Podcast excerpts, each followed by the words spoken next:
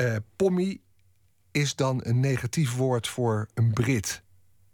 Ja, dat klopt. Uh, het is een soort lief negatief woord. Maar ja, toch zijn wij geen pommies. Wij zijn Australiërs. Dus, uh, dus er is een groot verschil. Ja, want wat is het verschil tussen een Brit en een Australiër?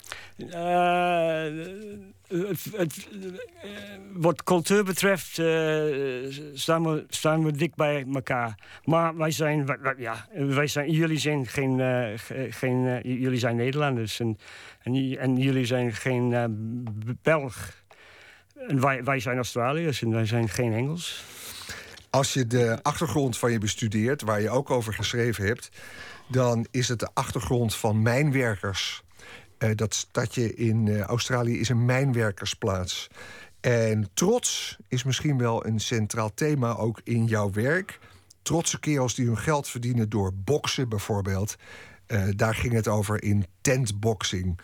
Ehm, en het was tegelijkertijd een harde wereld, die mijnwerkerswereld. Was het niet? Het, was een ontzettend harde wereld, ja. Uh, maar ik, mijn hele familie zit uh, in, de, in, uh, in de mines nog steeds. mijn, mijn grootvaders, twee grootvaders, mijn vader, mijn ooms, mijn, mijn neefje zit nog, zit nog steeds onder de grond. het, het, het, is, het, is, het is een gevaarlijk leven. Het is, het is, een, het is een leven van mannen.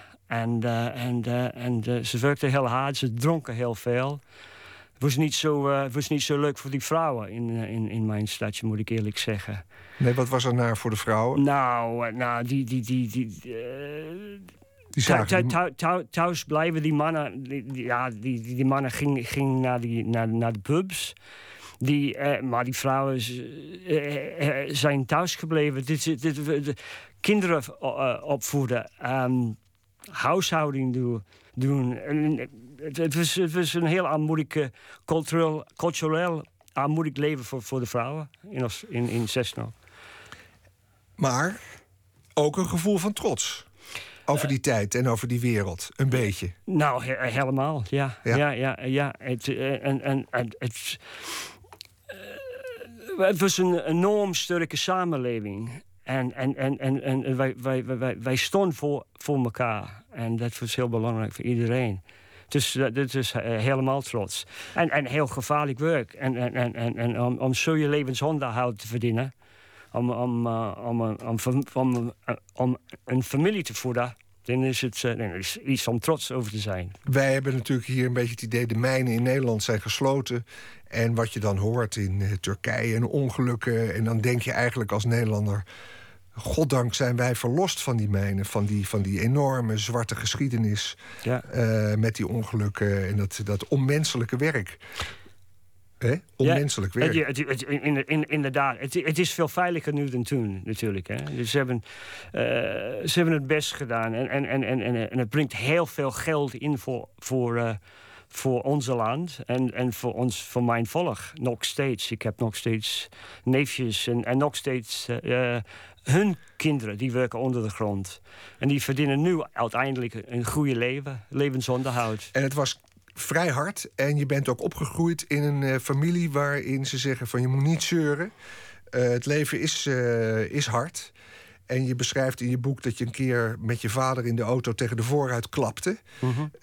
en dat je als vierjarige, geloof ik, ja. dacht: ik ga niet huilen, ja. want dat hoort er allemaal bij. En dat werd niet gewaardeerd. Die waren, die waren een ontzettend harde mens. Ja. Uh, veel wegpartijen in de pubs, veel, veel drinken. Ja, en niet leuk tegen vrouwen. En, dus het was uh, niet, het was, het was, een, het was voor, voor, voor ons als kinderen was het een fantastische leven om, om, om in zo'n plek, in, binnen zo'n samenleving op te groeien. Maar het, ja, het, was niet perfect, nee. Hoe is het met je neus trouwens? Want je schrijft in je boek ook dat je dus toen tegen de vooruit klapte. Ik heb, ik heb mijn neus drie keer gebroken. Twee keer boksen, twee keer uh, op die, uh, in, uh, met die auto-ongeluk, ja. Ja, en er kwam ook nog een barkruk van een skinhead op in Londen. Dat klopt, ja. ja, ja. In uh, 79, 14 uh, skinheads tegen vier van ons. En ja, ik had op een gegeven moment uh, vier of vijf teken. Uh, uh, ik was aan het werk te tekenen vier of vijf. Dus En dan krijg ik een stoel van akte op mijn hoofd. Ja, dat klopt. Ja. Drie, drie dagen niet zien. Dus, ja, en is zelfs misschien een hersenbeschadiging? Ik heb een hersenbeschadiging. Ja, ik heb, dat heb ik laten testen. En ik heb uh, soort klein, kleine vulkanen, vulkano's in mijn hoofd. Zo was het uitgelekt. Kleine ja. vulkaan? Ja, kleine oplossingen. Mm Kleine, ja, ja hij, hij, hij, ik, ik, denk dat hij, hij, dacht dat ik niet slim genoeg was om, te, om medische termen te, te, verstaan. Dus hij heeft het zo uitgelekt. Je hebt uh, kleine vulkanen die kennen in je oude dagen leiden tot epilepsie. Dat zei hij. Oké, ja, nou maar voorlopig gaat het nog goed? Nou, gaat uh, prima. Ik, ik box nog steeds. Dus, uh. Hoe komt nou... Ja, je box nog steeds. Ja. Uh, ik, heb, ik heb mijn laatste wegpartij gehad toen ik vijf, vijftig was. Maar ik spaar. Nu mm -hmm. spaar ik. Spaar, en, en sparen is, is, is, is, is niet wedstrijden, maar toch is het... Ja, uh, flink uh, op, die, op die boksbal beuken. Nee, nee, op de hoofd. Op het hoofd ook? Oh, ja, en teken, teken, tegenstaanders. Aha, Sparen is met, uh, met een hoofdbescherming op en een mondbescherming. Ja. Ja, ja, ja, je hebt nog steeds heel veel plezier in. Hoe, nog komt, heel veel plezier. hoe komt een man met deze geschiedenis, de mijne, keihard werken... harde maatschappij, vrouwonvriendelijke wereld...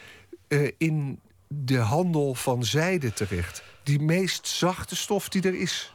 Ja, ik ben ook verbaasd over. En uh, heel raar, want uh, de nieuwe eigenaar van mijn oude zijdenwinkel heeft een modeopleiding en kan alles doen. Hè. Moet je etalages maken, ze weet nou ja, ik weet niks van dat soort dingen. Maar ik heb het geleerd. Het was een, het was een product. En, het was een, en, ik, en ik heb...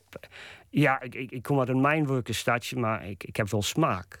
dus, waar, die smaak vandaan komt, dat weet ik ook niet. Maar, ik, ik, ik wist dat ik, ik, ik, wist dat het een goede product was. Ik, en ik wist dat het mooi was. En ik vond het zelf mooi.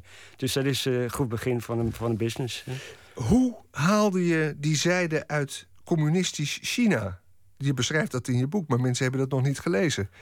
Wat, wat, hoe deed je dat? Nou, uh, toen die tijd moest je, was een, uh, was een monopolie van, de, van de regering, de Chinese regering. En, en eigenlijk uh, mag je niet. Je, je mag niet zij exporteren als, als individu. Je moet van een, van een company, een grote maatschappij komen, veel kopen. Maar ik heb het in, in, in winkels gekocht. En, en, en trokken ze naar Nederland door de postkantoor. En dat, en dat was eigenlijk ook tegen hun wet. En ik had heel veel problemen met de douane altijd. Maar kwam ik met heel veel trucjes om, uh, om, om, om, om, voor, voorbij de douane te gaan. En uh, het, is, het is altijd, altijd gelukt. Ja. Ik die, ja. Ja, met een beetje omkopen hier en daar. Met, nou, uh... omkopen. Ik, een keer postzegels heb ik, heb ik één douane omgekocht. Maar het was, het was door drukken. ik, ik ging soms bijvoorbeeld als ze zeggen, ja, je mag het niet opsturen, dan, dan ging ik met mijn doos zijde. Ik stopte zijde in een hoek. Ik stopte knuffeldieren in mijn doos. Ik ging naar die douane. Ze vonden de knuffeldieren fantastisch. Ze, ge ze geeft een paneel, de stempel erop. Ging terug naar mijn hoek. De knuffeldieren oud, zijde in de doos.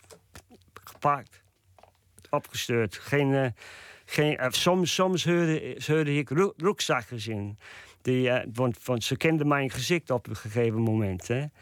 Een, keer, ik, ben, ik ben 19 keer naar China gegaan, dus ik kwam tegen dezelfde douane heel vaak. Hè. Dus één keer heb ik een baard laten groeien. Ik dacht, ze zullen me niet herkennen. Maar dat is, ja, nou, dat is, dat is een heel stom idee natuurlijk. hè, want ze herkenden me meteen min of meer.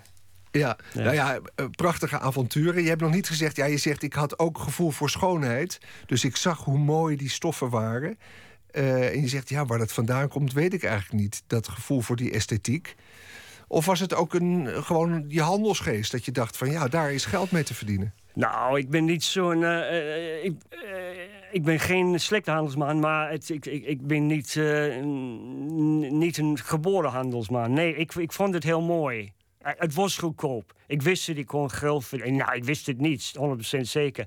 Maar ik had, ik had gehoopt. Ja. En, het, is, gelukt. Want het, en het werd, is me gelukt. het werd een goed draaiende winkel. Eh, Fantastisch, al, al 25 jaar. En je hebt hem uiteindelijk verkocht voor een goede prijs, ongetwijfeld. Heb, inderdaad, ja. En ehm, ja, er kwamen eh, couturiers als eh, Max Heijmans. Frank en Govers, Frans Molenaar, Edgar Vos. Die kwam bij jou uh, zijde kopen. Ja, ja, ja. En je, hebt dus, je bent meerdere keren daar in China geweest. We noemden haar al, Caroline Visser. Reisschrijfster die wij ook kennen van vele boeken. Die ook over China schreef, over ex-communistische landen. Uh, en jij hebt daar ook over geschreven. En het goede is dat je in die verhalen de cultuurverschillen ook, ook, ook aan de dag legt. Van ja, hoe mensen anders zijn. En uh, er is bijvoorbeeld één verhaal over een meisje dat, dat in brand staat in een Chinees uh, restaurant. Ver, vertel wat er gebeurde. Nou, wij, wij, wij in Mongolië. We waren in, in Huehot in Mongolië. En we zaten in een restaurant met met een, een, een, een, Italiaan. En hij, uh, hij, hij, hij maakt een fabriek, een pastafabriek voor, die, voor de Chinezen in, in, in Mongolië. Hij was heel eenzaam, dus hij heeft ons uitgenodigd om te eten. En hij had een fles whisky. En, en wij zaten te eten en zijn, zijn whisky te drinken. En achter ons was een feest. En, en, en, en opeens horen wij een grill. In dat restaurant dus, dat feest. In een enorm ja. groot restaurant. En op, uh, achter ons hoorde ik een gil. En uh, ik draaide rond en ik zag een meisje die, die, die, die vloog in, in vlam. V vloog in brand? In ja. brand, sorry. De, haar, brand. haar, haar, kleren? Nou, hij, de, haar trouw, alles. En, en, en, en, en, en, en die, die, die, die, die, die, haar, haar uh, tafelgenoot stond rond haar heen om, om, om uh, met, uh, met, nap, met, uh, met trouwen, met alles te zwaaien. Hè? En ik, ik, ja, ik heb haar, ik heb haar gepakt, genuffeld en de, en de vlam. Jij zag dat door het gewapper rond haar heen. Gewoon wappen. Ze eigenlijk het verkeerde deden. Namelijk Helemaal. Ze, en, die... was, ja, en, en, en, en, en de trouw was van synthetisch natuurlijk, dus plastic. En, uh, en, en, en, zij begon te huilen en ik heb haar genoefeld. En de, ja, je hebt dus je armen om haar heen geslagen. En, en, en, de, en, de, en de vlammen gedoofd. En de vlammen gedoofd. Ja. En wat je dan in het boek eh, fantastisch beschrijft... is de reactie van, die, van het gezelschap... dat eigenlijk helemaal niet gediend is van jouw bemoeienis daarmee... terwijl je er eigenlijk gered had. Oh, ze worden vreselijk agressief. Um, ze, ze, ze, ze, deden deuren dicht. Ze zeiden niks. Ze zeiden niet oprotten. Ze zeiden niet dank u wel, niks. Het, het, ging helemaal stil. Deur dicht. En, en ik hoorde die meisje achter de deur en ze zei, was nog steeds aan het huilen natuurlijk. Helemaal verbrand. Wat een enorme krankzinnige reactie. Jij stond daar verbijsterd. Het was, was, was hun trots. Ik heb hun, uh, hun trots verpest, neem ik aan. En, en ik begrijp dat een, een beetje. Want uh, trots was voor ons uh, in onze mijnstadje ook heel belangrijk. Hè? Ja, daar hadden we het net over. Maar ook voor deze groep mensen? Ook voor deze groep mensen. Ja, iedereen moet hard zijn in, in, in, in mijn stadje. En ik, eigenlijk was ik niet zo hard hè, en niet zo dapper. Maar ja, dat, dat moest je zijn. Hè. Dus... Dus uh, ja, het is, het is iets die onnatuurlijk is. Maar ja, die Chinezen hebben het, uh, hebben het ook. En, ja. ja, en um, nou ja, dat een buitenlander uh, dus iemand te hulp schiet... Dat, vond, dat konden ze daar eigenlijk niet hebben. Niet, niet accepteren, nee. nee. Het boek is ook het verhaal van een onrustige man. Die uh, het ene op, opzet en dan weer naar een ander land moet. En eigenlijk nooit langer dan een paar maanden of een paar jaar in een, in een, in een situatie zit en dan weer iets anders wil. Um, Towns van Zandt uh, citeer je. To live is to fly, zingt hij.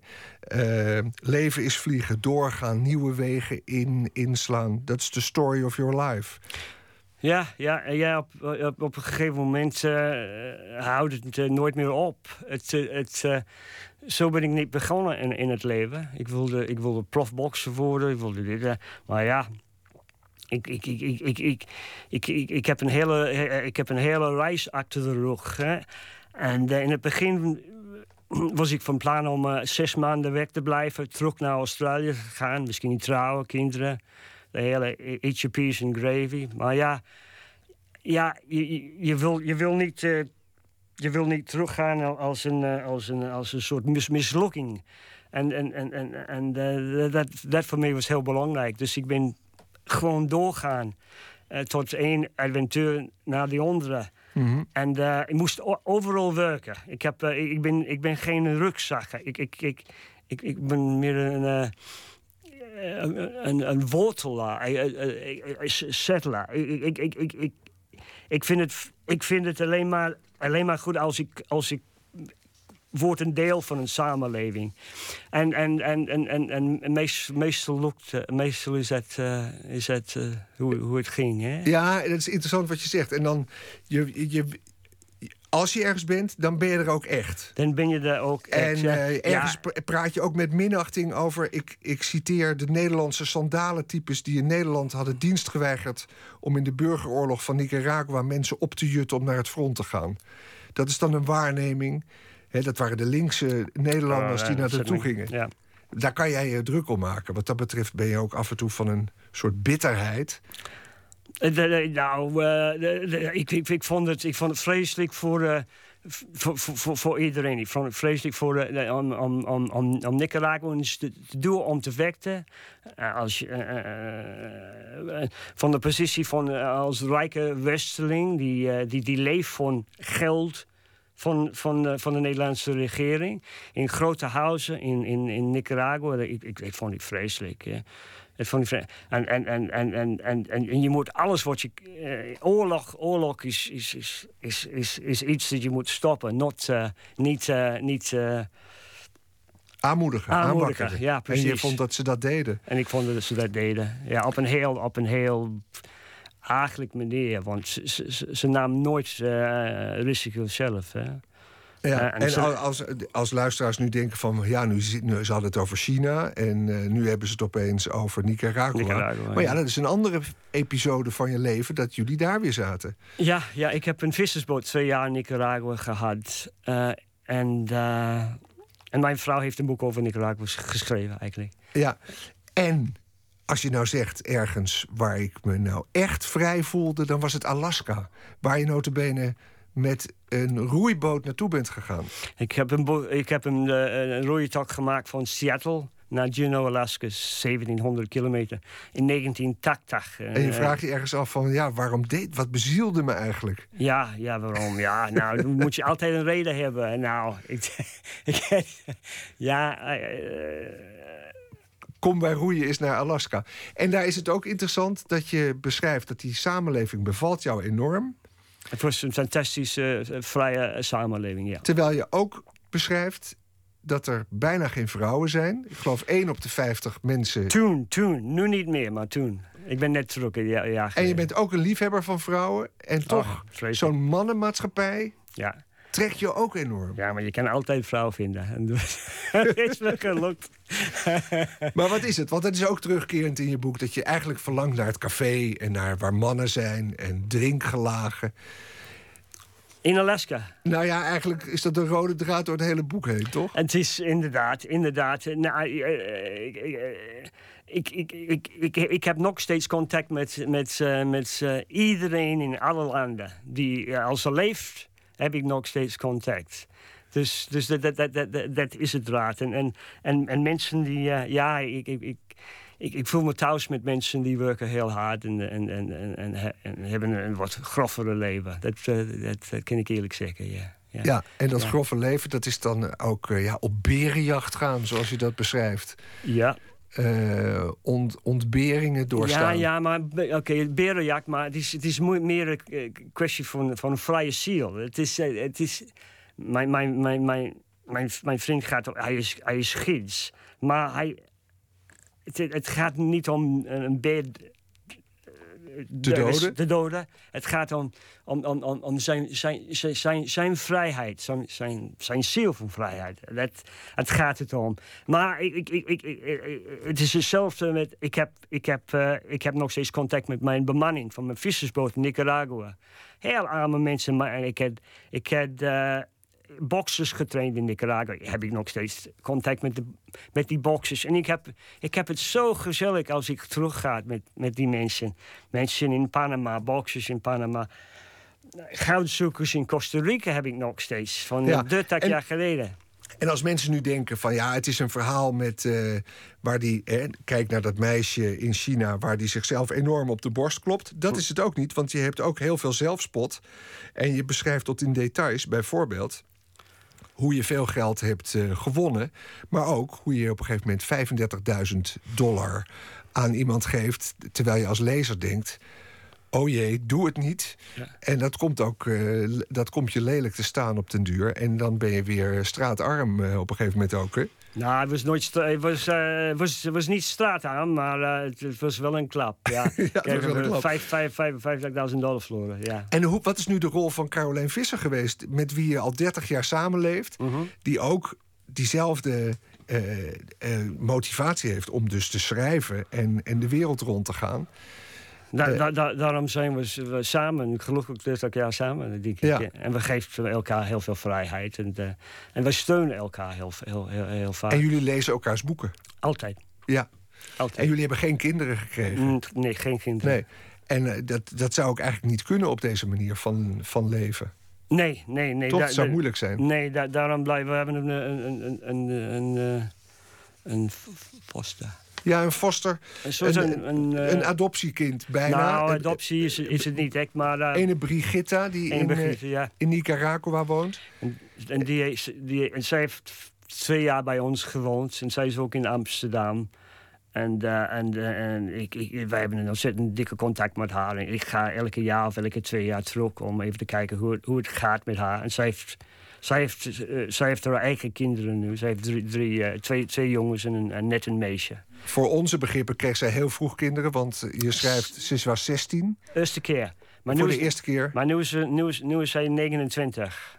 Ja. En, en eh, zij heeft net de derde kind gehad. Dus het, En in Nicaragua, onder arme bevolking, is 16 jaar niet eens zo heel jong om een Het kind is, te het krijgen. is niet eens zo heel jong. En, en, jong, en, en, en die, die vrouwen hebben on- bijna geen macht in, in het soort landen, de Lat- Latijnse landen. En, en heel, heel, heel, heel vaak wordt het bijna een verkraking. Het is, het is heel moeilijk voor jonge meisjes nee te zeggen tegen, de, tegen die eh, tegen mannen. Ja, ja, ja, ja, ja. Ook weer de harde wereld die je beschrijft En- en die je gezien hebt en die je waar hebt genomen. Ja. En die je interesseert. Je, je, ergens is ook een ontroerende scène bijna dat je naar een vechtpartij gaat kijken. En dan ken je je vrouw nog niet zo heel lang. En die zegt dan van waarom wil je dat eigenlijk zien? En zeg ja, het interesseert me hoe mensen vechten. Dat gaat om een erekwestie. En ik wil dat zien. En zij zegt dan, die dingen zouden voor een Nederlandse man niet belangrijk zijn. ja, ja, dat zei ze. Hoe, moet ik, hoe moet ik dat antwoorden? Ja, toen dacht ik van, Nederlandse mannen moeten ook in jouw ogen eh, eigenlijk enorme softies zijn. Nee, nee, nou, ik... Nee? ik, nou, ik, ik, ja, nee, nou, je hebt dus zoveel verschillende types van eh, Nederlandse mannen. En intellectuele Nederlandse mannen zal, zal niks, ni- niks in wet v- vinden. En, en terecht, terecht. Eh, Ze zijn veel, veel te geciviliseerd voor. Maar ja, hetzelfde moment, ik train bij cops. het is een box, worstelen, kickbox, street fighting. Ja, dus bij politie? Nee, cops, cops, cops is een eh, sportclub in Amsterdam. Ah, oké, ja. En, en die zijn ook allemaal Nederlanders. En die zijn hard als deze tafel. Dus, Oh, oké, dus dus ze zijn er wel. gewoon zijn er wel, ja. Stoer, Stoere- stoere stoer nee, misschien Oh, ja. niet bij de VPRO, maar... nou, ook zeker 100% ja. Nee. En ehm, nou ja, fantastisch. Het boek is er nu. Het wordt gepresenteerd. Ik, de winkel is er trouwens ook nog. Pure Ja. Silk. McLennan's, wat is de titel? Eh, ja, mogen we daar eigenlijk reclame? McLennan's Pure Silk zit in eh, de Hartenstraat in Amsterdam. Ja, Waar, ik liep er gisteren even langs, de gevel in een nieuwe verf gezet wordt. Ter ere van jouw boek, want dat wordt er gepresenteerd. maandag wordt het gepresenteerd. Maandag wordt het En, gepresenteerd. en de winkel is nu 26, 25 jaar oud dit jaar. Dus eh. Ehm, heel erg goed dat je er was, Wayne McLennan. En eh, mogen het boek eh, de lezer bereiken. Het boek heet Zuivere Zijde en andere waargebeurde verhalen. Dit was het eerste uur van Nooit meer slapen deze nacht. En eh, straks gaan we verder, onder andere met Maarten Doorman. En we vragen Katja de Bruin wat haar is opgevallen in het aanbod van boeken. Maarten Doorman reageert op het nieuws van vandaag. Dat en meer Straks na het nieuws van 1 uur.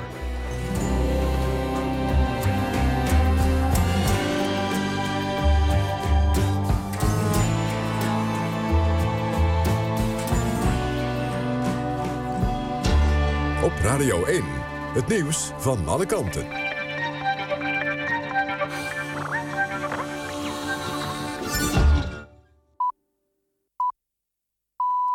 1 uur, Femke Wolthuis met het NOS-journaal. De rechtbank in Limburg heeft een artikel op zijn website gezet... waarin wordt uitgelegd waarom een Pool een taakstraf van 120 uur heeft gekregen. De 33-jarige man had een tweejarig meisje en haar grootouders doodgereden. Het vonnis leidde in en buiten de rechtszaal tot boze reacties. Volgens de rechtbank is het niet bewezen dat de Pool te hard heeft gereden. De rechter liet meewegen dat de man een blanco strafblad heeft... en dat hij de dood van de slachtoffers zijn leven lang moet meedragen. In Landgraaf is bij een schietpartij een gewonde gevallen. Volgens de politie is het slachtoffer naar het ziekenhuis gebracht. De schoten werden even voor middernacht gelost. De politie zegt dat er meerdere mensen bij betrokken zijn, maar er is nog niemand aangehouden. Gert-Jan Oplaat, de voorzitter van de Nederlandse vakbond Pluimveehouders... heeft felle kritiek geuit op staatssecretaris Dijksma van Economische Zaken. Oplaat zei in het tv-programma Nieuwsuur... dat Dijksma sinds de uitbraak van de vogelgriep te weinig zichtbaar is. En bovendien mist hij warme woorden en dat ze pal voor de sector gaat staan. De vakbondsleider vindt wel dat het ministerie adequate maatregelen treft... om verspreiding tegen te gaan. Op Madagaskar voor de Afrikaanse oostkust zijn sinds augustus al 40 mensen overleden aan de pest. Bij nog 79 mensen is de ziekte vastgesteld. Dat meldt de Wereldgezondheidsorganisatie. De angst is dat de ziekte zich vooral in de hoofdstad, waar mensen dicht op elkaar wonen, snel kan verspreiden. Internetbedrijf bol.com waarschuwt voor mailtjes over nepbestellingen. Volgens het bedrijf nemen criminelen de computer over van mensen die die nepmailtjes openen en daarna eisen ze losgeld. Bol.com waarschuwt dat de mailtjes niet moeten worden geopend en gaat aangifte doen. Het weer in het westen en het noorden mogelijk wat motregen. Het wordt 3 tot 6 graden. Morgen wordt het snel droog met af en toe zon. En dan wordt het 10 tot 14 graden. En ook zondag is het zacht met wat zon. En waarschijnlijk pas in de avond de eerste regen. Tot zover het NOS-journaal. Verkeersinformatie. Op de A28 Hogeveen richting Groningen... tussen afrit Westerbork en Assen-Zuid... daar staat 4 kilometer file. Tot zover de verkeersinformatie. NPO Radio 1. VPRO. Nooit meer slapen.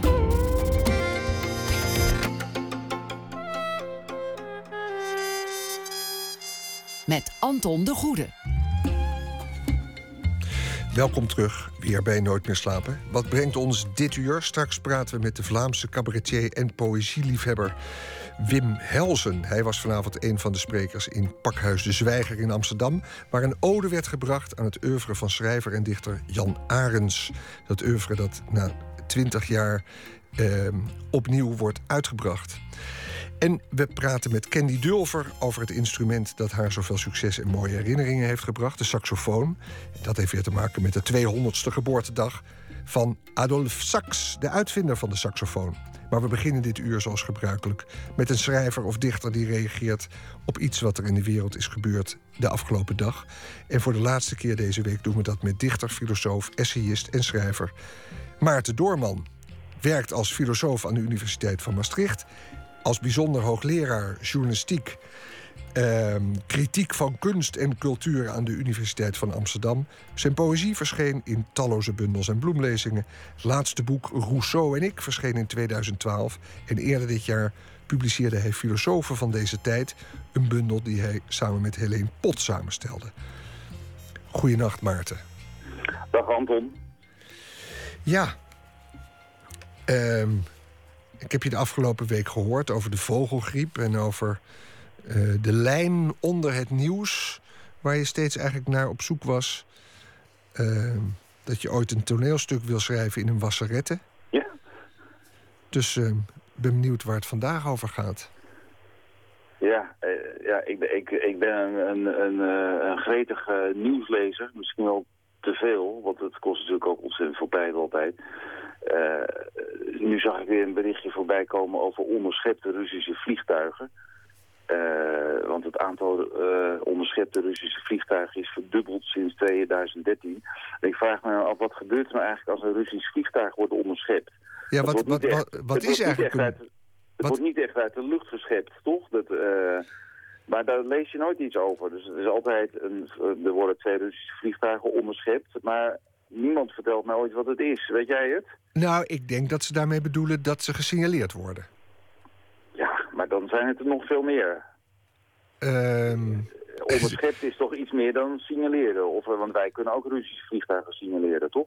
ja, maar ik heb wel eh, de tekeningen gezien in de Volkskrant van oefeningen van Russische vliegtuigen die dan ehm, militair zijn en die dan ook, ook, ja, ook over, over de Noordzee. En die worden dan ja, die worden niet neergehaald, maar die worden gesignaleerd. Dacht ik toch. Maar Ja, maar ik vind signaleren vind ik wel eh, een beetje, een beetje slap ten opzichte bij onderscheppen. Denk je toch wel aan, aan een iets steviger eh optreden, of dit? ja, zou Niemand kan het Ja, mij vertellen. Ja. Niemand kan het hoe dan ook, in dat stuk in de Volkskrant stond toen: het is, het is machtsvertoon, maar het is, Ja. het is niet, het- ze zullen niet echt iets uitrichten, werd er nog sussend Ja. bij gezegd. ja. Ja. Fijn, ja. Ja, maar weet je, wat wel ontzettend leuk is van de, van de opdracht die jullie mij geven... is om, om op een beetje een andere manier naar dat nieuws te kijken. Dus eh, eh, niet alleen berichten te lezen, maar ook te denken... kan ik daar iets... Die vogelgriep, vinden, dat blijf ik toch ook wel ongelooflijk eh, fascinerend vinden. We horen net weer in het nieuws, we missen warme woorden. Of burgemeester Bord Koelewijn eh, uit Kampen. Dus volgens mij is Koelewijn overigens een, een Spakenburgse naam. Maar die dan klaagt over al die plassen rond Kampen, zodat er zoveel eenden zijn. Of eh, eh, de, de NPV, dat is dan de, ik weet niet, de, de, de, NPV-voorzitter Oplaat. Die zegt, er hoeft maar iets op een muisje te vallen en dat muisje gaat een pluimveebedrijf binnen. En het is gebeurd, al dus Oplaat. Ja, fascinerende nieuwsberichten. Of, Ja. eh, Ja. Nou ja, dat zijn ehm, met recht muizenissen die, eh, waar, wa- waar een land eh, blij mee mag zijn dat je daar druk Ja. over kan maken. Zou ik ook denken. Of, ja, daar heb je al eerder over gespeculeerd deze week. Is het de angst die steeds meer eh, de overhand neemt en ook de angst voor de vogelgriep? Dat kan ook. Ja, ja dus de media zijn wel een soort makelaars in angst. Hè. Ze woelen iets los, ze bezweren iets. En wij vinden dat als krantenlezers en als televisiekijkers en weblezers allemaal ook wel heel erg lekker om een beetje ongerust te worden en dan weer gerust te worden gesteld. Het is eigenlijk een fascinerende industrie. Ja, maar eh, gelukkig is er dan ook af en toe een filosoof die dan roept: Ja. ho, ho. eh, dit is drukte om niks. Want dat wil je ook toch eigenlijk graag horen. Ja, jawel, maar het gaat natuurlijk ook altijd weer tegelijkertijd gaat het ook ergens over. Dat, eh, eh, ik ben de week begonnen met, eh, met, nog een keer voor te pleiten om die Zwarte Pieten discussie juist wel serieus te nemen. Omdat ik denk dat het juist een hele mooie discussie is die wel degelijk over heel veel belangrijke dingen gaat. Dus ik, wil niet, ik vind het ook heel makkelijk om ook te zeggen het is... het is allemaal eigenlijk maar onzin, dat nieuws. Daar ben ik veel te veel een soort lief... Ik ben veel te veel een liefhebber van dat nieuws en om te begrijpen wat er gebeurt. Ja, ja, ja. Nou, dan bij die Zwarte Pieten ben ik met je eens. Dat, eh, dat leek eerst, dacht je van hebben ze er nog over. Maar dat krijgt allemaal eh, interessante wendingen natuurlijk ook. Ehm, maar daar heb je je niet vandaag over gebogen. Nee, nee, nee, nee, Nee. nee. We gaan wel een beetje variatie in de week aanbrengen. Dit is de laatste keer. En mijn oog viel eigenlijk op, op eh, iets wat verder niet zoveel aandacht kreeg. Maar minister Dijsselbloem heeft vanmiddag gezegd dat de schuld die Nederland sinds kort heeft eh, ten opzichte van Europa... dan gaat het om een bedrag van 642 miljoen euro. Dus dat is toch een half, meer dan een half miljard dat ze die in één keer voor december gaan afbetalen. De Engelsen denken er heel anders over. Hè. Die moeten ook heel veel betalen, nog Ja. meer 2 miljard. Die gingen heel die boos zeggen zeggen van we doen het niet. Ja, dus die zeggen ten eerste betalen we het niet. En als we het gaan betalen, dan duurt het nog ongelooflijk lang. En Ja. Dijsselbloem zei eerst, nou het kan nog best lang duren en we vragen uitstel. Maar nu hebben we meevallen en dan gaan we dat meteen afrekenen. Dat heeft ook iets heel Nederlands. Ik, ik, ik kan het ook niet goed begrijpen. Ik werk ook aan een universiteit en daar worden er vaak ook allerlei regels ingevoerd. En dan zijn er heel veel collega's en die gaan het onmiddellijk gaan die dat ook allemaal doen. Terwijl je ook kan zeggen, nou, het zijn wel veel regels, we het eerst een jaartje aankijken. Maar goed, Dijsselbloem gaat dit dus, die wil zo snel mogelijk nu eh, dit betalen. En dat deed mij een beetje denken over dat hele, hele fenomeen van lenen, terugbetalen en schuld. Daarover gaat eigenlijk mijn verhaal voor vanavond. We zijn benieuwd. Ga je gang. Het heet, het heet bijles. Gat stond met een losse trapper in de hand. Ik wil die Batavisfiets tot dinsdag voor u vasthouden, zei hij, als u een garantiesom achterlaat. De jas van de man voor de toonbank leek van panzerstaal. Hij telde 100 euro neer. Nog vijf minuten wachtte Gat. En toen ging hij de slagerij binnen aan de overkant. Hij liet een andere klant voorgaan en toen de winkel leeg was, reikte hij de twee biljetten van 50 aan. Het is nog niet alles, bromde Gat, maar de rest krijg je voor het einde van de maand. Dit geld gaat niet in de kassa, riep de vrouw van de slager toen Gat weg was. En jij weet heel goed waarom. De slager hoorde niks. Hij sneed varkenskoteletten en zag zijn vrouw in het raam verdwijnen, als een hert dat de kudde bijna kwijt is. Niet veel later klonk de deurbel bij de ouderlijke student fysische geografie Azer. Hij hoorde een vrouwenstem door de intercom en drukte op de knop. Irina rende de trap op, de vrouw van de slager. Ik kon de laatste tien uur bijles afrekenen, zei ze. Dan ben ik je niet schuldig. De fysische geograaf keek verschrikt. Je betaalde toch in natura, Irina?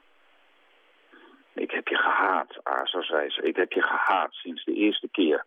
En met alle verachting die ze in zich had, wierp ze de 100 euro op tafel. Terwijl hij het zadel aandraaide, zag Gat, de ouderlijke student, zijn winkel binnenkomen. Die laatst op een tweedehands fiets was weggereden zonder te betalen. Het spijt me, zei de student. Hij legde 100 euro op de toonbank en verdween voor Gat nog iets had kunnen zeggen.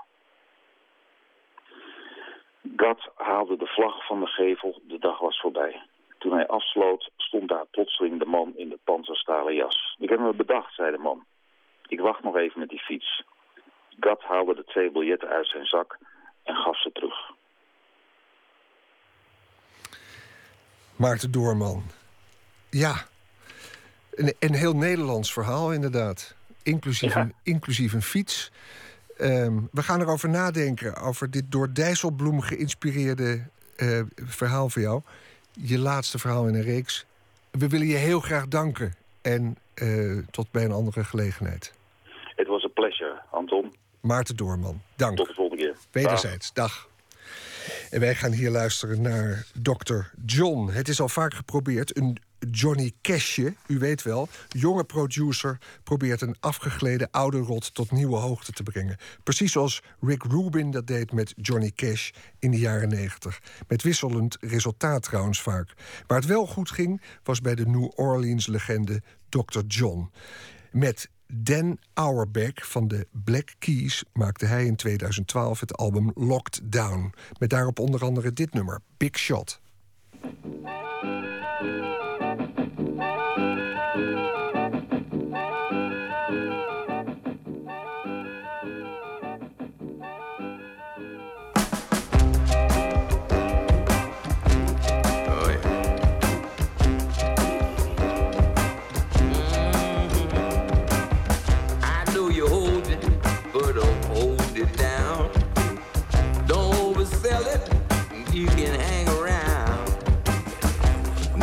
Been done like I can. Ain't never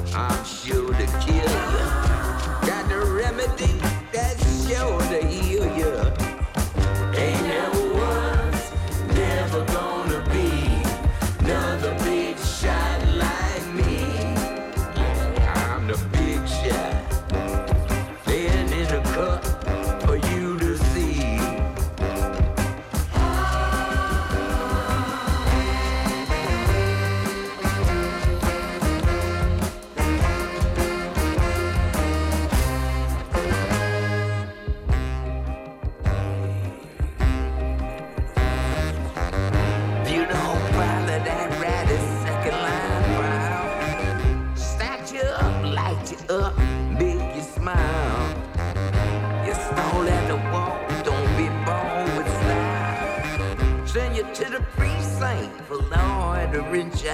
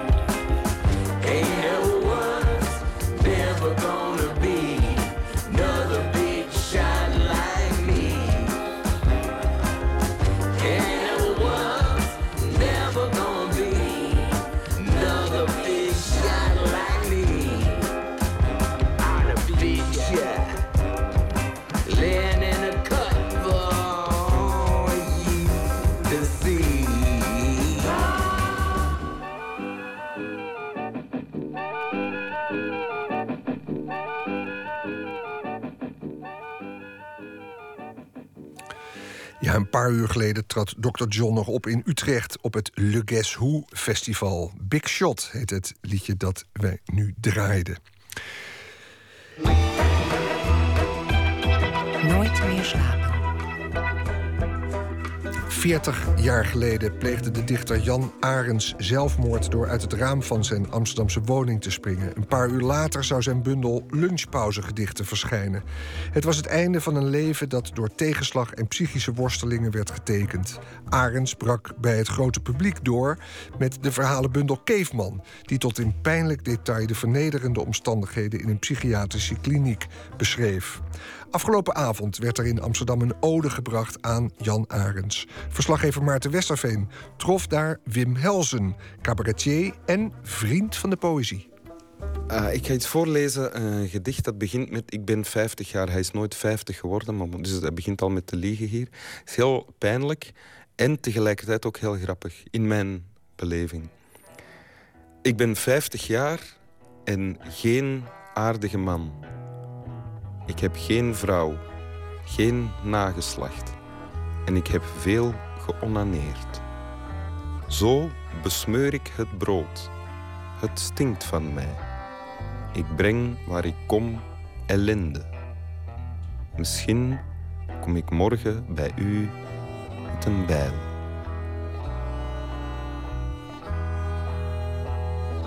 Ik heb hem uh, tien jaar geleden leren kennen. Toen was een Amsterdamse vriendin. Heeft mij toen Keefman uh, cadeau gedaan. Ik heb dat gelezen en ik vond het fantastisch. En nadien ben ik de rest van zijn werk uh, beginnen ontdekken. En uh, ik blijf nog altijd dat heel, heel graag lezen. Dit is zo onnoemelijk pijnlijk vaak dat het op een vreemde manier heel grappig wordt. Ook die, die, die twee zijn bijna altijd samen aanwezig in mijn beleving. Um, en het is ook zo. Zijn, zijn, ik heb ook zijn biografie gelezen, of een biografie over hem. En uh, voor, zover ik het begrijp, was, hij een uh, ongelukkige, onaardige, niet te vertrouwen uh, man. Die ja, gek verklaard is ook. En um, heel veel weerstand bood tegen bijna alles. Maar als hij aan het schrijven was, zo voelt het voor mij, dan was er alleen maar aanvaarding van al die dingen die in de weg zaten. En vanuit die aanvaarding uh, gaf hij dan vorm aan zijn pijn op een prachtige manier, ja, in heel dunne gedichten. Bij mij was het zo dat het eigenlijk direct binnenkwam. Vanaf ik begon te lezen, kwam het, schoot het recht naar binnen, omdat het zo waarachtig voelt. Omdat je voelt dat er geen enkele pretentie in zit of zo. Het is alleen maar... Het is ook zo... Het is gênant en beschamend en pijnlijk en eenzaam. En dat, is, dat zit eigenlijk in... in uh, allee, dat druipt er vanaf in elke zin die hij schrijft. Um, dus dat is, het is onontkoombaar voor mij. Als ik het lees, is het onontkoombaar. Is het therapie? Eigenlijk in zekere zin wel, ja. Of het heeft in alle geval toch een helend effect op mij. Omdat hij zo... Volgens mij was Jan Arends wel gelukkig als hij aan het schrijven was. Gelukkig is misschien niet het goede woord. Misschien moet ik zeggen, niet ongelukkig. Was hij niet aan het lijden, omdat, er dan, omdat hij dan in een staat was van overgave aan al die gewrongenheid en al die, eh, al die last die hij op zijn schouders droeg. En dat, iemand, iemand die zich daar zo rukzichtloos aan overgeeft en dat aanvaardt en dat vormgeeft, dat op zich eh, is zo, of voelt voor mij zo onontkomelijk echt, dat het uh, helend is. Ja. Een Jan Arends party, wat zou hij daar zelf nou voor gevonden hebben? Uh, ik denk dat hij, als iemand hem zou zeggen, er vindt een Jan Arends party plaats, dat hij het niet zou geloven, om te beginnen. En dan denk ik dat, het, dat er bij hem een mengeling van vreugde en schaamte zou zijn. Die zou met elkaar worstelen in zijn binnenste. En uiteindelijk zou de schaamte, de kwaadheid, de eenzaamheid en de pijn binnen. En zou er zelf niet heen gaan, denk ik. Wat, um... om, achteraf, om achteraf dan toch wel te komen luisteren en vragen hoeveel mensen er waren, wie er was en hoe lang ze gebleven zijn. En de, het de mensen kwalijk te nemen dat ze niet lang genoeg gebleven zijn op zijn party. Dat, dat stel ik mij voor. Ik ben een arme man en ik verdien mijn dagelijks brood in schande. Ik haal dat mij is opgedragen met emmers water uit de regenput en voel mij schuldig omdat ik de modder op de bodem zie. En zo begint de dag nog voor het kwaad ontwaakt is. Een hand, voor mij, is witter dan een bloem. En het is waar dat woorden mij vreesachtig maken. Ik leef zo. Ik ben zo. Mijn dag verstrijkt in regelmaat van schande. Ik ben een arme man en alle leven doet mij zeer.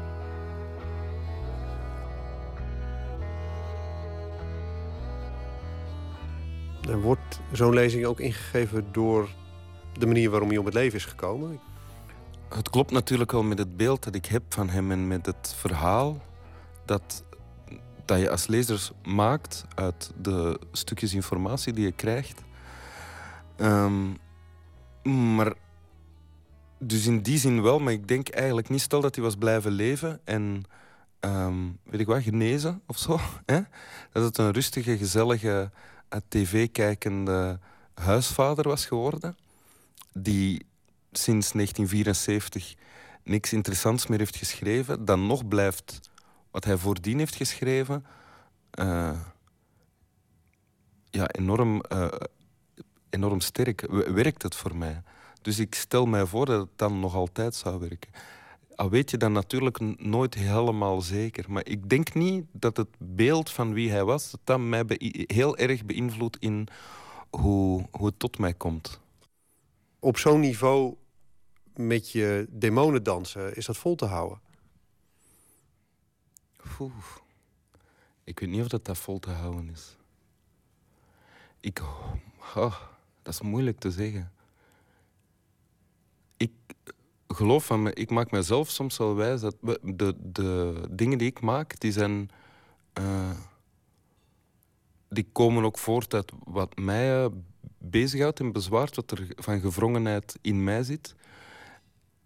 En er zijn vaak er zijn momenten dat ik geloof dat er veel is opgelost. Bijvoorbeeld met mijn allereerste voorstelling, Heden Soep, daar zat heel veel woede in. En ik nu denk ik soms van ja, ik denk dat ik dat niet meer zou kunnen spelen. Omdat ik die woede niet meer zo heb. Dat is opgelost. Onder andere door dat te spelen. Natuurlijk niet alleen daardoor. Onder andere daardoor. Uh, dus uh, dat ik gezonder aan het worden ben, zeg maar. Dat denk ik dan, of dat maakt mezelf wijs. Nou, een grappig ding is dat hij natuurlijk meteen daarna denkt van oei oei, ik mag niet te snel helemaal gezond worden, want dan heb ik niks meer om uit te putten. Uh, maar dat is ook een debiele gedachte natuurlijk. Want stel dat dat ooit zou gebeuren, wat ik eigenlijk niet voorzie. Stel dat dat ooit zou gebeuren, dat ik geen enkel probleem meer heb, dan is het ook geen probleem dat ik uh, de behoefte niet meer heb om iets te maken of dat daar geen voedingsbodem meer voor is. kan je nog volgen wat ik zeg? Um, en Ja, ik weet het niet. Ik denk het, het is zo bij, bij mensen die zo, bij wie de overgave aan daaraan zo groot is en zo extreem, die dansen wel vaak op een slappe koord, denk ik. Ja. Maar is dat ook waarom mensen hier nu toch zijn? Omdat dat oeuvre zo klein daarin ook zo puur is. Dat, dat dit echt een, een, een, een enkele, een volkomen bijna monomane focus is op precies dat ene. En dat ook nooit meer bezoedeld kan worden. Dat denk ik wel, ja. Dat heb je heel goed gezegd. Dat denk ik echt, ja. Dat is... eh, hoe, hoe klein het publiek ook is, of hoe onmediageniek de mens of de eh, gestorven schrijver Jan Arends ook is, het, eh, er zit, het is onverwoestbaar. En ik denk, als het gelezen kan worden, zal het altijd wel herkend worden. Misschien niet door veel mensen, maar het zal altijd herkend worden door mensen. Dat denk ik, ja. Omdat het, ja, omdat het zo waar is. Dit heeft hij geschreven een paar weken voor hij eh, zelfmoord heeft gepleegd, of toch gestorven is in ieder geval. En eh, eigenlijk geeft hij hier volgens mij een treffende. ehm, ja, eh, hoe moet je dat zeggen?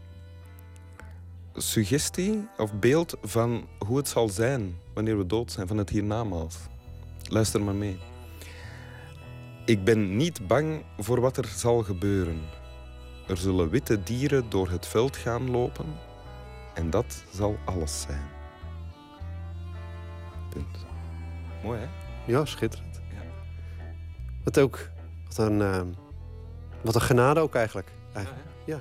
Het is eigenlijk rust. Er komt zo, hij komt zo, het voelt alsof dat er voor in, in de plaats van al die gruwel, al die pijn, al die schaamte, is er zo'n beeld van rust en vrede dat in de plaats komt. En dat is er natuurlijk altijd. Dat was er ook al voor wij geboren werden en dat zal er altijd blijven bestaan, denk ik. En ik denk ook dat het waar is als je echt diep in je... eh, weet ik wat, als je helemaal toelaat wat er allemaal van pijn is, dat je daaruit komt.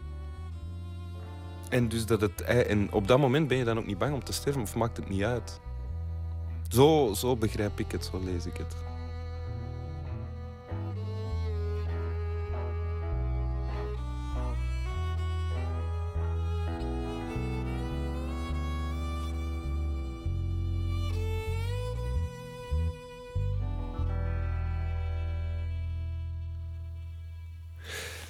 U hoorde Maarten Westerveen in gesprek met cabaretier Wim Helsen... over schrijver en dichter Jan Arends. En het werk van Arends is nu opnieuw uitgebracht... bij uitgeverij Lebowski en De Bezige Bij. En trouwens ook de biografie van Nico Keuning is daar verschenen... in een herdruk.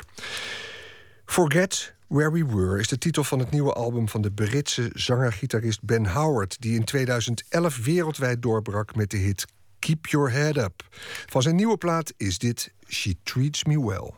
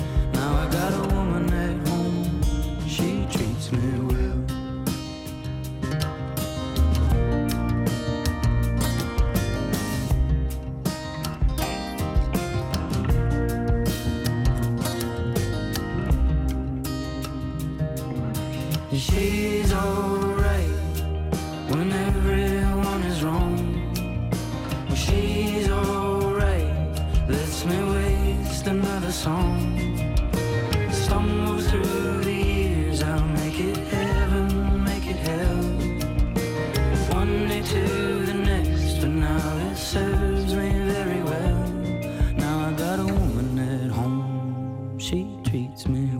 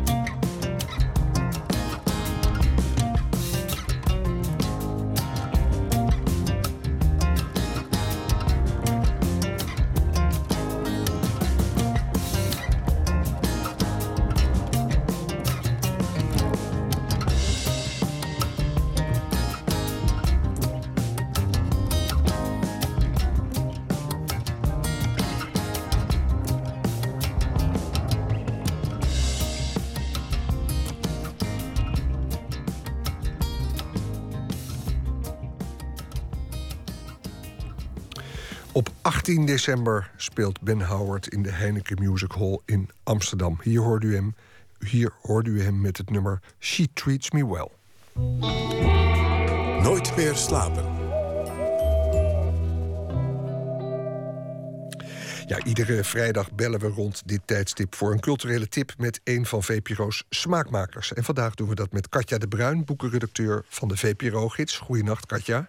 Goeienacht. Op deze plek bespreek je meestal boeken die in Nederlandse vertaling zijn uitgekomen. Maar voor de nieuwe roman van Michel Faber maken we dit keer een uitzondering. Eh, overigens, ik spreek zijn naam op zijn Nederlands uit, omdat hij van Nederlandse afkomst is. Ja, En, dat hè, klopt. Ja. het- terwijl hij toch tot de Schotse literatuur wordt gerekend.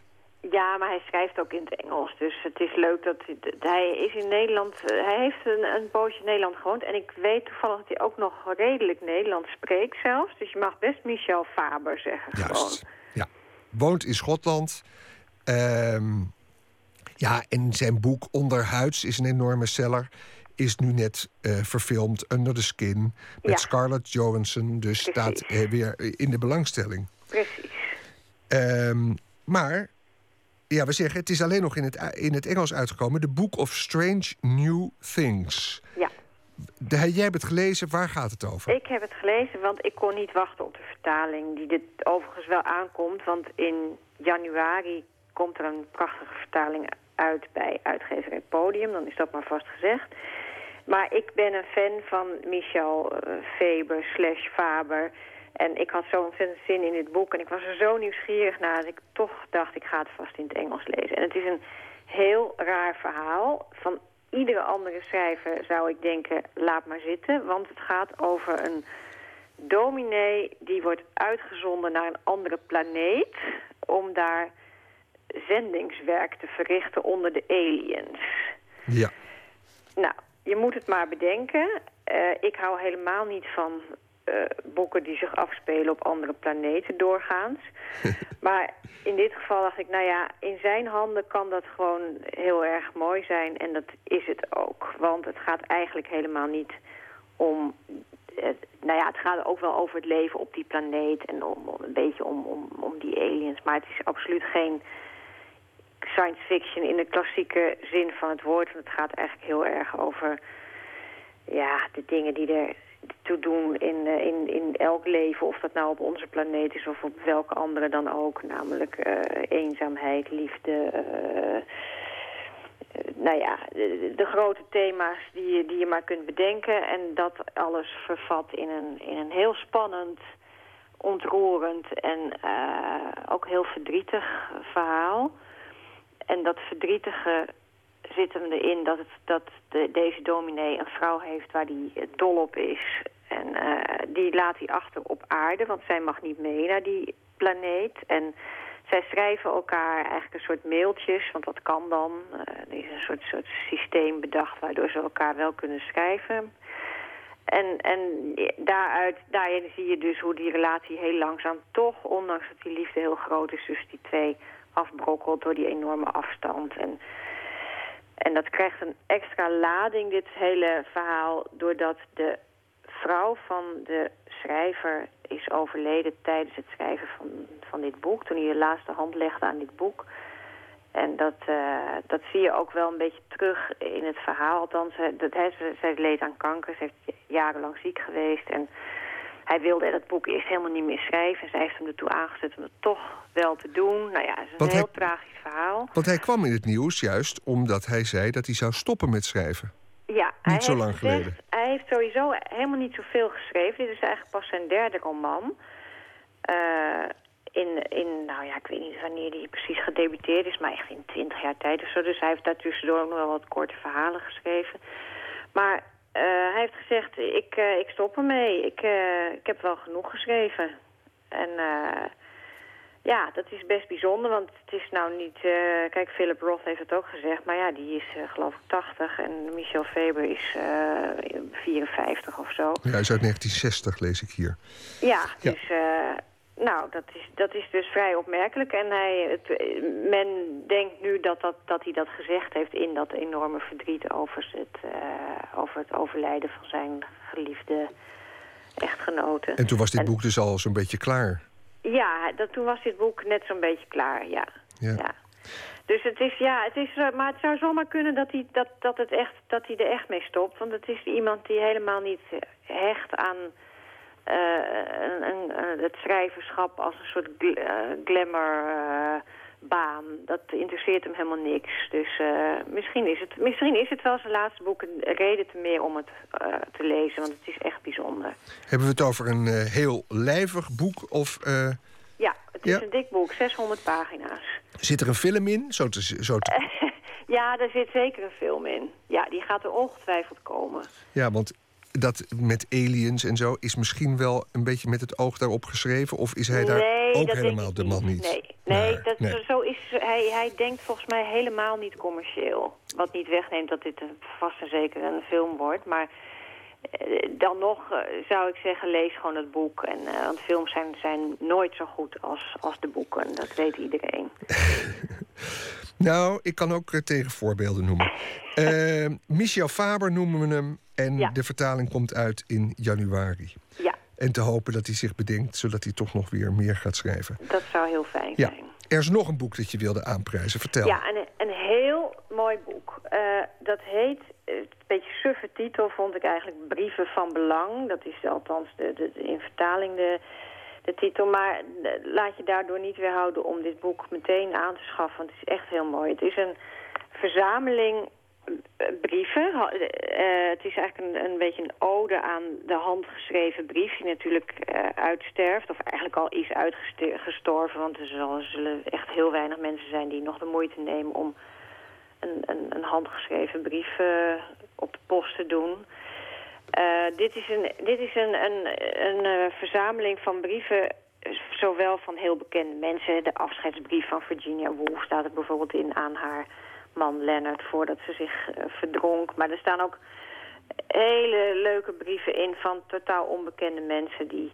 eh, een jongetje bijvoorbeeld dat aan Frank Lloyd Wright, de grote architect, eh, een briefje schrijft met de vraag of hij alsjeblieft een, een hondenhok wil ontwerpen in de stijl van, in zijn beroemde stijl.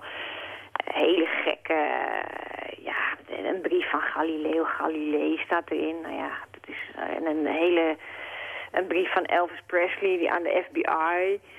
Eh, ja, het is, een, het is een heel... eh, Je kan er eindeloos in, in bladeren. En het is, het is ook heel mooi uitgegeven. Ze staan zowel in facsimile als in eh, gewoon... Want sommige dingen zijn bijna niet leesbaar. Dus staan daarnaast ook gewoon in de vertaling gedrukt.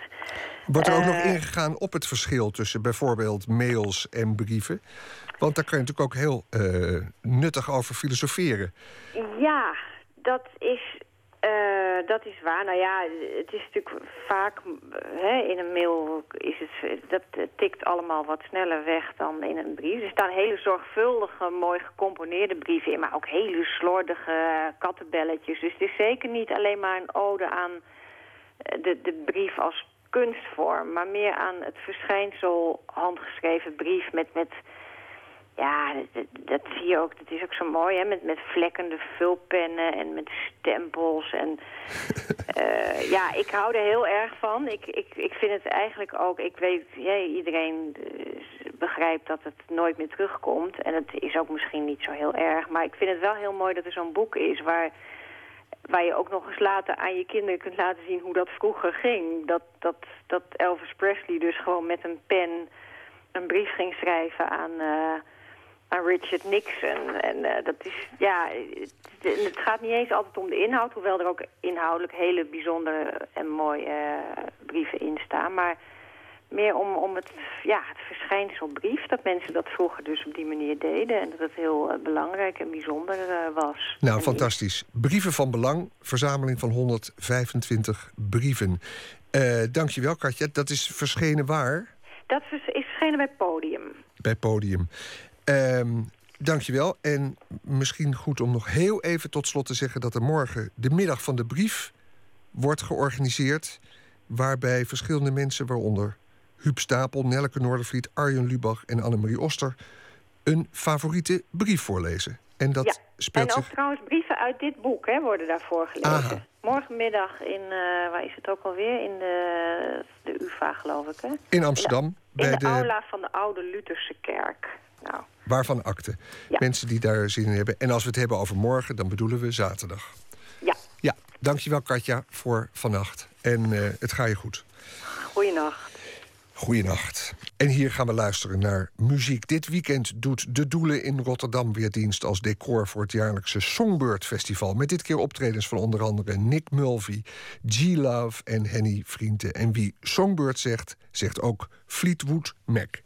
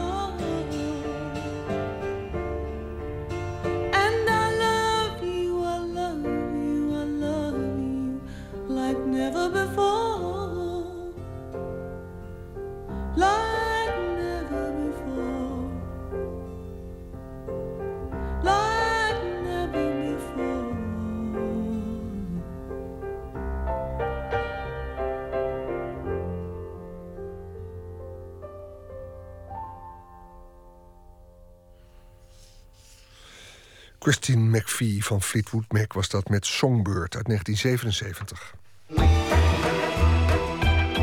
Nooit meer slapen. Adolf Sax is de uitvinder van de saxofoon. De Belg werd geboren in november 1814 en dat is deze maand dus 200 jaar geleden. Wat werd gevierd met een groot saxofoonfestival in Amsterdam? Of nee, ik zeg nu werd, maar dat komt dus nog. Met optredens van Brandford Marsalis, Jacob ter Veldhuizen, Joris Roelofs, Ties Mellema, verschillende klassieke ensembles en last but not least Candy Dulfer. Verslaggever Botte Jellema zocht haar op. Mooie meid, maar kan ze spelen? I know she looks good, but can she play? Think about it. Daar rekende Candy Dulfer al op haar eerste album mee af. Everybody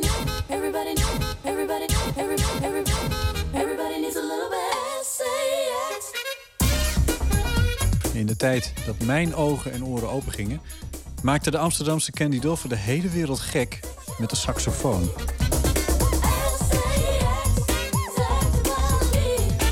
SAX. En de saxofoonsectie van de big band van mijn school ontplofte. Alle meiden gingen saxofoon spelen. En we gingen naar haar toe. Op zaterdag 15 juli 1995 stond ik in de Haagse Statenhal. Ik ben 18. Mijn eerste editie Noordzee Jazz Festival. En daar stond Candy Dulfer te funken.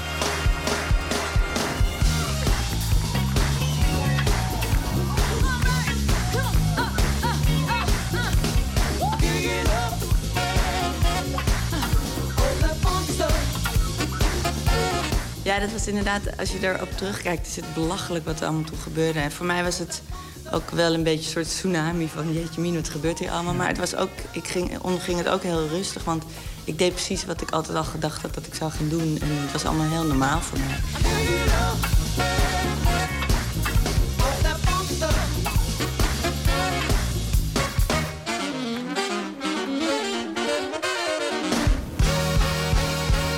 Moment dat ik geboren was, zeiden de nonnetjes in het OVG tegen mijn moeder... je moet meteen, als je thuis komt, kaart een plaat opzetten... en laat je man maar toeteren, want dan wenst er daar tenminste aan. Elke zondag bij ons was het helemaal vol met ja, van alles. We hadden Bennik en zijn hele familie, en maar ook eh, de jongens van eh Solat... weet je, de Surinaamse muziek zien. En het kwam allemaal bij ons over de vloer. En mijn Duitse oma liep daar een beetje doorheen te tutten met, eh, met hapjes. En, dus dat is ook eh, ja, waar ik in opgegroeid ben. En dat is ook mijn ideaalbeeld van de wereld. Dus ik ben, ik ben multiculti sowieso natuurlijk. Maar dat idee dat je eigenlijk alles wel kan mixen... als je van alles maar het leukste pakt. Ja, dat, dat, dat is wat ik ontzettend door probeer te drijven bij iedereen. En dat lukt me ook nog. Maar dat heb ik natuurlijk van mijn vader. Candy's vader is Hans Dulfer, saxofonist, concertorganisator en voormalig autohandelaar. Hij was een van de oprichters van het Amsterdamse jazz-improvisatiepodium Het Bimhuis in 1974. In die muzikale omgeving groeide Candy op. Hans en Candy maakten een onstuimige periode door tussen ongeveer 1985 en 1995. Ik had al heel snel in nagevolging van mijn vader heel eigenwijs een band opgericht. Met bij al zijn muzikanten of ex-muzikanten moet ik zeggen. Allemaal volwassen mannen. Dus het klonk meteen al heel goed toen ik 13 was. En daar hadden we al heel veel werk mee. Dus ik speelde af vanaf mijn 14 echt bijna professioneel zoveel optredens. Candy valt op bij concertorganisator Mojo. Ze vragen haar het voorprogramma te verzorgen bij een concert van Madonna. Dat is natuurlijk heel grappig, want dat eh, zo had ik nooit gedacht dat ik met jazzrock dan voor zo'n 50.000 van die kleine meisjes natuurlijk kon staan. Maar dat lukte allemaal. En een jaar later is het de bedoeling om hetzelfde te doen bij een concert van Prince. En opeens werd dat afgezegd. Ik dacht door Prins. Dan heb ik hem helemaal verrot gescholden. En ook zijn management eh, op de dulver manier. Want zo was ik opgevoed. Nee, niet verrot gescholden, is niet waar. Maar mijn Je vader heeft een reputatie. Nou, in de zin van dat je altijd voor jezelf op moet komen en dat niet iedereen gelijk is. Dus of jij nou 20.000 platen verkoopt, je mag wel res- extra respect hebben omdat je een groot kunstenaar bent, maar dat is het ook gewoon. Je gaat gewoon even normaal doen, je zegt hallo en, je, en eh, weet je, aparte kleed. Al dat ge- gezeur, dat vinden wij heel stom. Dus eh, dat was meteen koren op de molen. Dus ben ik naar zijn managers gegaan en gezegd... nou, die pik ik niet. En ik was natuurlijk maar 16. Maar dat heeft wel op een bepaalde manier een indruk gemaakt. En eh, daardoor ben ik eh, toch uiteindelijk bij Prince terechtgekomen. Prince nodigde haar, nog geen 20 jaar oud, uit om op het podium te komen spelen met hem. Het is het begin van een samenwerking die nog jaren zal duren. Maar een jaar daarna scoorde ze zelf een wereldhit. Eh, Ik had toen verkering met eh, een oudere man. maar wel een hele lieve Tom Hofman, eh, die acteur. En die heeft toen eigenlijk geregeld dat Ben Verbong, de, de, regisseur van de film uh, De Cachère, waar hij toen in speelde, dat hij is, uh, een bandje van mij aan Dave Stewart gaf. Want Dave Stewart ging dan de filmmuziek maken. Nou, van Eurythmics? Ja, en die was natuurlijk super beroemd en leuk. En ik wilde het eigenlijk niet, maar ik had een heel oud cassettetapeje... wat al een beetje zo bubbelde van een live optreden. Maar goed, oké. Ik was altijd heel anti-ambitieus eigenlijk, of niet ambitieus. Maar dat is toch bij Dave Stewart gekomen. En die zei meteen, oh leuk, laat ze me komen. Dus toen zat ik opeens bij hem in de studio. Nou, het beroemde verhaal dat we die hele plaat op hebben genomen. En vijf minuten voor het einde nog even heel snel Lily was hier. Nou, werd een wereldhit.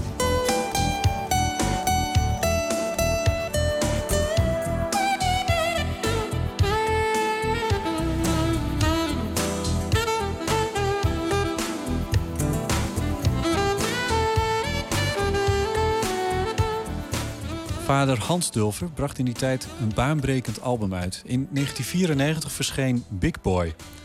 Het werd twee keer goud in Nederland en in Japan en betekende zijn doorbraak.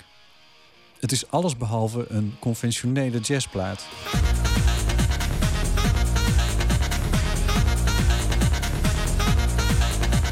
Maar wat hij, kijk, waar hij al jaren mee bezig was, hij mengde eigenlijk een, een beetje in navolging van Sonny Rollins ook wel. En, en, mensen als Willis Jackson die dat ook al deden. Alleen mijn vader deed het veel extremer. Uh, hij pakte gewoon altijd, oké, ik speel eigenlijk altijd hetzelfde. Ik speel bepaalde thema's en dan improviseer ik erop. Uh, alleen hij zorgt altijd dat zijn begeleidingsband of de muziek eromheen... dat dat gewoon de flavor van de dag was. En dan wel dingen die hij ook echt te gek vond. Uh, niet uit commercieel oogpunt. Dat was ook de reden waarom hij bij, uh, als autoverkoper werkte. Omdat hij wilde altijd zijn muziek onafhankelijk laten zijn. En vrij van commerciële druk. Hij wilde altijd doen wat hij zelf wilde. En daarom werkte hij zo hard.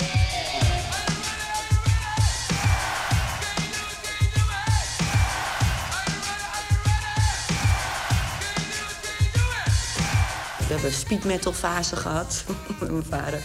Uh, inderdaad. En zo langzamerhand kwam hij ook uit bij de DJ's. Hij is echt de, de eerste die dat ooit bedacht heeft om met DJ's te spelen. En uh, dat ook meteen gedaan. En ja, dat, dat hele big boy idee, dat kwam met programming en dansmuziek uh, invloeden. En uiteindelijk deed hij toch hetzelfde eroverheen, zijn eigen sound. Maar dat, ja, dat was natuurlijk heel weet je, welkom aan, aan heel veel kanten. Omdat jonge mensen saxofoon hoorden niet op een oudbakken manier. En het werd natuurlijk een enorme hit.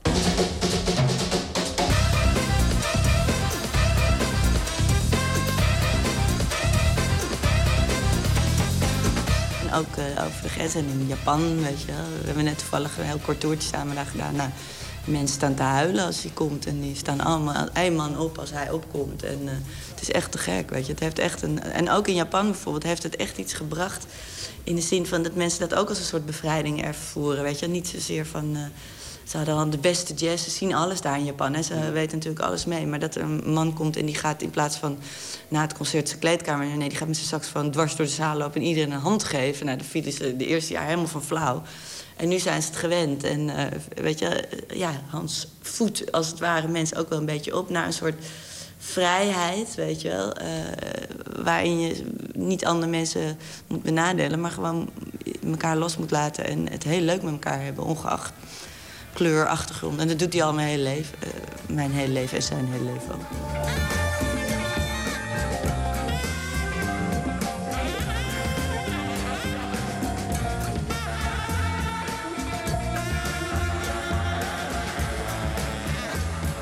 Wat voor rol speelt de saxofoon erbij? Had het met een ander instrument ook gekund?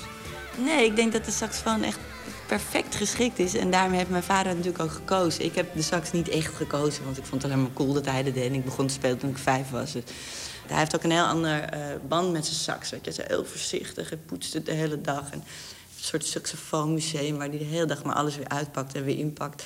Dus dat is voor hem echt een verovering geweest. Maar hij zag meteen, kijk, dat is te gek. Als je saxofoon bent, dan ben je de hele tijd aan het woord. Want de saxofoon is... Maar het is inderdaad zo'n gek dualistisch instrument. Het kan heel zacht zijn en heel mooi en, en dienend. Maar eigenlijk wil je toch maar steeds op de voorgrond staan. Het is het eerste instrument naast de vocals. En die staan altijd op de voorgrond. Daar word ik ook wel eens gek van. Uh, waardoor, je, weet je, waardoor je lekker naar voren kan dringen. En het gek is, mijn vader was wel zo'n extravert iemand. En ik was super verlegen toen ik opgroeide. Ik was ook enigst kind en bloosde bij alles. Heb ik nog wel eens. Maar ja, ik heb nog meer naar die sax een soort dankbaarheid. En ook naar mijn vader. Dat zonder die sax, ik weet niet waar ik geweest was. Het heeft, was voor mij echt een soort schild of een soort wapen.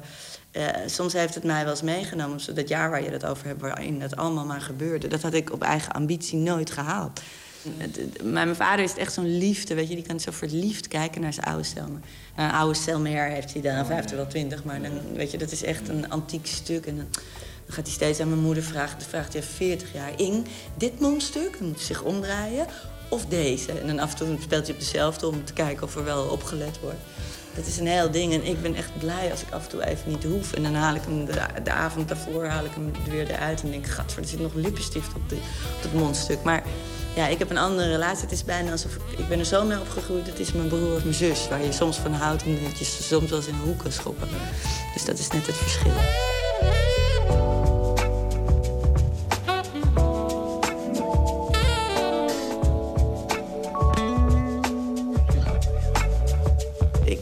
Mijn vader denk ik ook niet om iemand intellectueel te beroeren.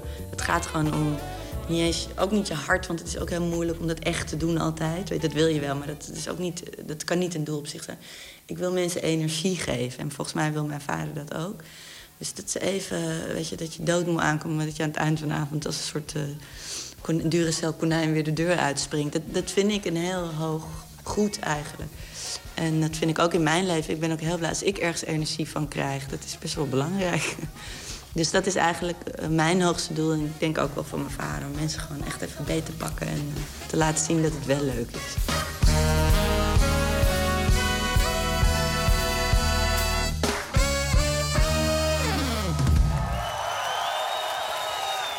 En tot zover saxofoniste Candy Dulver. Ze speelt zondagavond als afsluitende act op het International Saxophone Festival... dat dit weekend in Amsterdam plaatsvindt. Een bijdrage was dit van Botte Jellema. En daarmee eindigt ook deze editie van VPRO's Nooit meer slapen.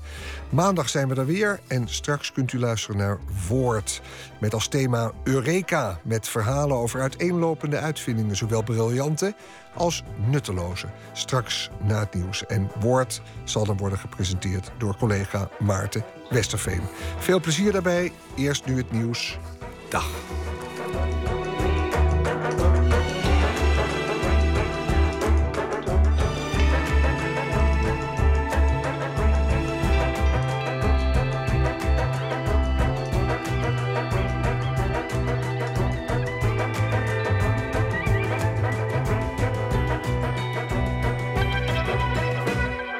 Radio 1, het nieuws van alle kanten.